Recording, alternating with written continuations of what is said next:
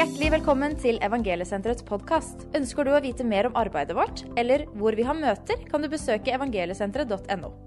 Ønsker du å støtte Evangeliesenteret, kan du gjøre det ved å besøke vår hjemmeside eller vippse oss til 27755. Vi trenger din hjelp for å nå ut til mange med sitt rusproblem. Tusen takk for din gave. Ja, veldig fint å være her. Og jeg vil bare begynne med å takke for gaven du har vært med og gitt. Jeg er jo en av mange som har fått hjelp gjennom Evangeliesenteret. Så vi setter veldig stor pris på alt, alle gavene som vi kan få inn. I dag så eh, tenkte jeg skulle tale litt om et veldig sentralt tema i Bibelen. Nemlig rettferdighet ved troen på Jesus. Det står skrevet i Romerbrevet, kapittel 1 vers 16 og 17. For jeg skammer meg ikke over Kristi evangelium, for det er en Guds kraft til frelse for hver den som tror, først for jøde og så for greker. For i det, altså i evangeliet, blir Guds rettferdighet åpenbart av tro til tro, som det står skrevet, den rettferdige av tro skal leve. Så rettferdighet, eller ordet rettferdig, er jo et veldig sentralt ord i Bibelen. Og hva betyr egentlig ordet rettferdig? Jo, i bibelsk betydning så betyr det rett og slett å ha en rettferd. En rett vandel. Ja, rett og slett en rett livsførsel inn framfor Gud. Du blir på en måte rettferdiggjort, gjort, eller gjort helt ferdig rett. Og det er jo sånn at I utgangspunktet så hadde ikke mennesket rettferdighet for Gud i seg sjøl. Men Gud gav mennesket rettferdighet ved troen på Jesus Kristus. Det står i Romerbrevet 3,24.: Men de blir rettferdiggjort ufortjent av Hans nåde ved forløsningen, den som er i Kristus Jesus. Tenk på det. En og alene pga. troen på Jesus kan du få en rett livsførsel, en rett vandring for Gud. Det gamle testamentet, både loven og profetene, talte om den rettferdighet som skulle komme. I Jesaja var det profet, profetert om den rettferdige Jesus Kristus som skulle rettferdiggjøre de mange.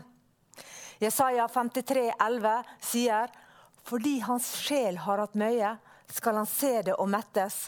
Ved at de som kjenner Han, skal den rettferdige, min tjener, rettferdiggjøre de mange, og deres misgjerninger skal han bære. En fantastisk profeti om hva som skulle komme. At Jesus skulle komme og rettferdiggjøre de mange. Så etter Jesu Kristi død og etter hans oppstandelse så forkynte disiplene og Paulus med stor frimodighet at alle kunne bli rettferdiggjort en og alene ved troen på Jesus Kristus. Og det her det var jo noe helt nytt.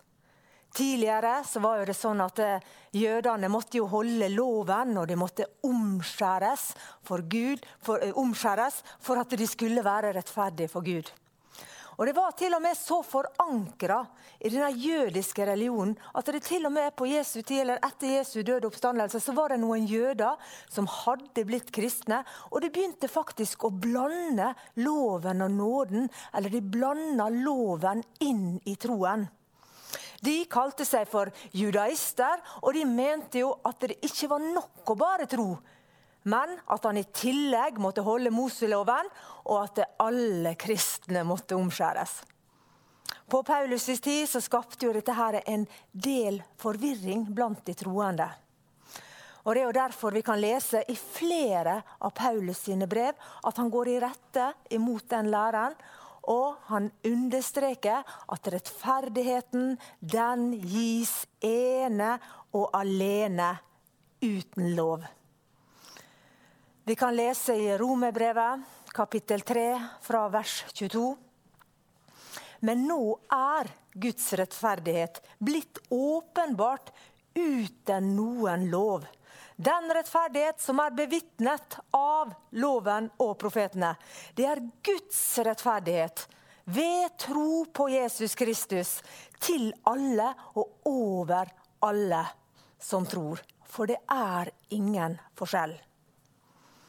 Og i Galaterbrevet så sier Paulus i kapittel 2, vers 16 Men fordi vi vet at mennesket ikke blir rettferdiggjort av lovgjerninger, men av tro på Jesus Kristus, så trodde også vi på Jesus for at vi skulle bli rettferdiggjort ved tro på Kristus, og ikke ved lovgjerninger. For lovgjerninger, for av lovgjerninger blir intet kjød rettferdiggjort. Så den rettferdighet Gud nå har gitt menneskene, den er uten lov. Og den har ikke sitt grunnlag i Moseloven og at mennesker skulle oppfylle loven. Men nå kunne alle mennesker oppnå rettferdighet for Gud ved å tro på Jesus. Ene og alene troen. Og det gjaldt absolutt alle. Det gjaldt hedninger, og det gjaldt jøder. Og det er en fantastisk god nyhet. Tenk at Gud gir mennesket rettferdighet gjennom troen på Jesus Kristus. Gjennom troen på Han kan du få en rett vandring, et rett ståsted inn framfor den levende Gud. Men hvorfor er det slik da at mennesket trengte å bli rettferdig av tro? Jo, nå er det sånn at alle mennesker er underlagt syndemaktens innflytelse. Det vil si at alle har gjort synd, og alle er vi syndere. Romerbrevet kapittel 3 vers 23 sier det. For alle har syndet og har mistet Guds ære. Men der var én, nemlig menneskesønnen Jesus Kristus. Han, han var uten synd, han var uten skyld. Og han var sann Gud, og han var sant menneske. Og Jesus, han var villig til å sone all vår synd. Han var villig til å gå inn i døden for din og min skyld. I 1. Johannes brev kapittel 2, vers 2, så står det at han er selve soningen for våre synder. Og det er ikke bare for våre, men for hele verdens. I Matteus kapittel 1, vers 21, så står det om Maria at hun skal føde en sønn. Og du skal gi ham navnet Jesus, for han skal frelse sitt folk fra deres synder. Så Jesus han levde et fullkomment liv mens han var her nede på jorden. Derfor var han kvalifisert til å sone din og min synd. Han hadde en rett livsførsel for Gud. Han var rettferdig, derfor så kunne han sone hele verden sin. Det står i Hebreerbrevet, kapittel 4, vers 15. Og Det handler om Jesus. Der står det at for vi har ikke en ypperste prest som ikke kan ha medlidenhet med våre skrøpeligheter, men en som i alle ting er blitt prøvd slik som vi, men uten synd. Jesus han var syndfri, og derfor kunne han sone all vår synd. Så hans liv, hans død, hans begravelse, og for ikke snakke om hans oppstandelse, det har blitt vårt liv. Vi døde med han. Tenk på det. Det er litt spesielt, det er litt vanskelig å forstå, men vi døde med han.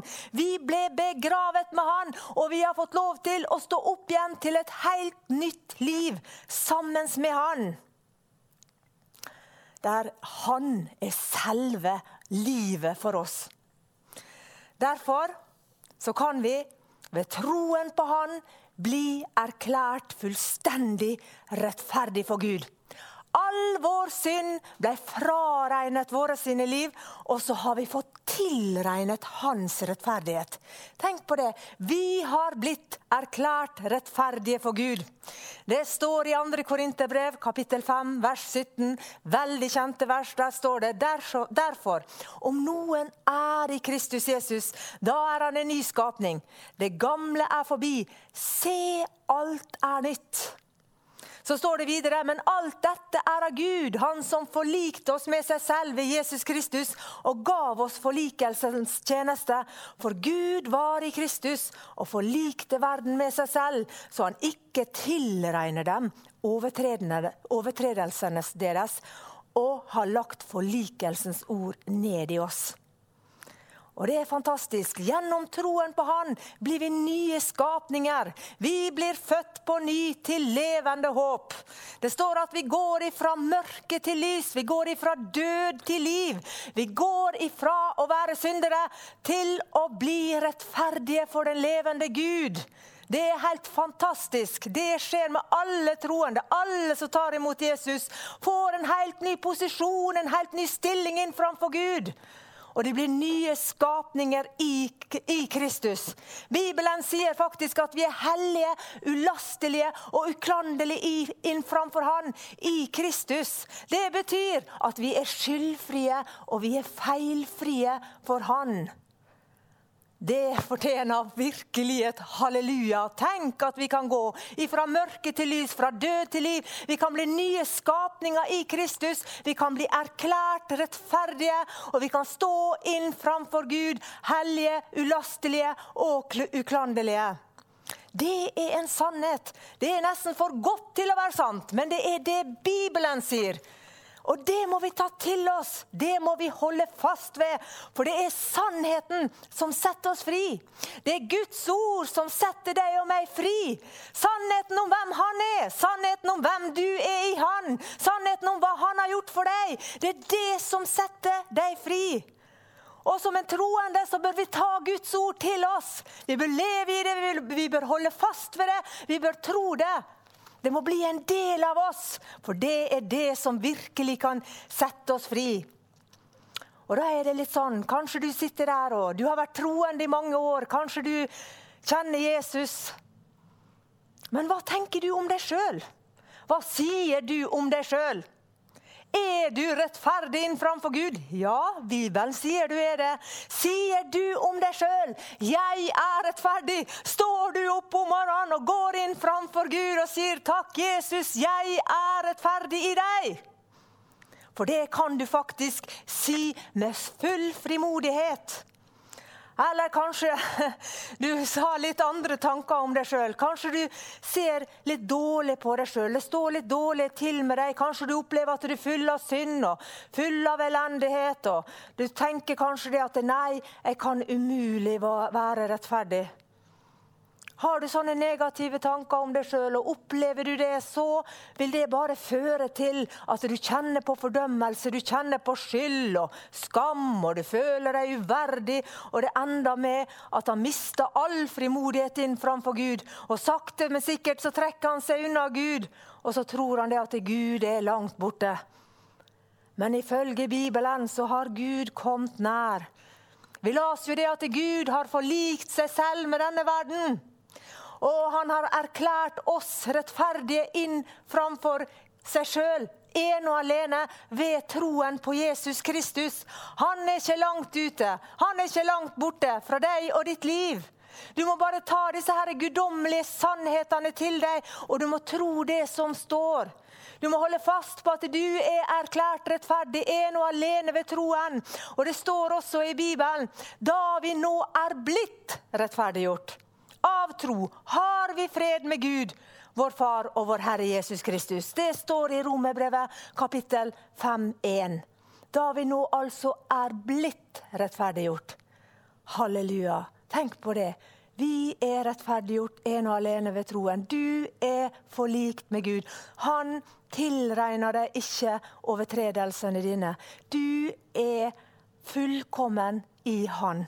Du er god nok, og du er bra nok. Du trenger ikke å gjøre en masse greier for at du skal bli rettferdig. Nei, du er erklært rettferdig gjennom troen på Han. Derfor så kan du med stor frimodighet tre inn framfor Guds trone på blodets grunn og be om nåde til hjelp i rette tid i alle ting. 2. Timoteus kapittel 1 vers 9 sier at han er den som har frelst oss. Tenk på det. Han er den som har frelst oss og kalt oss med et hellig kall. Han gjorde det ikke etter våre gjerninger, men etter sin egen rådslutning og nåde. Den som han ga oss i Kristus Jesus fra evighet av. Som det står, det handler ikke om dine og mine sine gjerninger. Nei, det handler om om Jesus Kristus, som har kalt oss, som har utvalgt oss. Vi er Hans verk, skapt i Han, til gode gjerninger som Han har lagt fra, ferdig framfor oss. Romerbrevet 8,32 sier at han sparte ikke sin egen sønn, men han gav han for oss alle. Hvordan skal han kunne annet enn å gi oss alle ting med han? Tenk på det! Hvilket løfte! Hvordan kan han ikke gjør annet enn å gi oss alle ting med Jesus Kristus. Det er helt fantastisk. Det er bare så altfor godt til å være sant. Ta det til deg. Ta det til deg, tro. Lev i det. Bygg livet ditt på ordet. Fyll deg med Guds ord. Ta til deg disse her fantastiske, guddommelige sannhetene. Og Det vil føre deg faktisk inn i en fantastisk relasjon med Gud, der du bare kjenner på en sånn takknemlighet, en sånn fred og en sånn glede over at du er frelst. I dag så kan jo jeg bare si for mitt eget liv at jeg faktisk er glad for at jeg klarte å rote det sånn til at jeg kom inn på evangeliesenteret. For hadde ikke det vært for det, så er det ikke sikkert jeg hadde lært Jesus å kjenne. Og For meg så har det å bli kjent med Jesus vært det største i livet mitt. Det var egentlig det jeg lengtet etter hele livet før jeg kom inn på evangeliesenteret. Det var bare det at jeg ikke skjønte at det var han jeg lengta etter. Jeg søkte i alle slags mulige religioner, i New Age og astrologi og tarotkort, fordi jeg lengta etter noe åndelig. Og så kommer de inn på evangeliesenteret. Så presenterer de Jesus for meg. De gir meg egentlig ganske klar beskjed med en gang. Hanne, du må bli frelst. Du må ta imot Jesus. vet Du Du må forstå det at han er løsninga for ditt liv. Du må invitere han inn i hjertet ditt.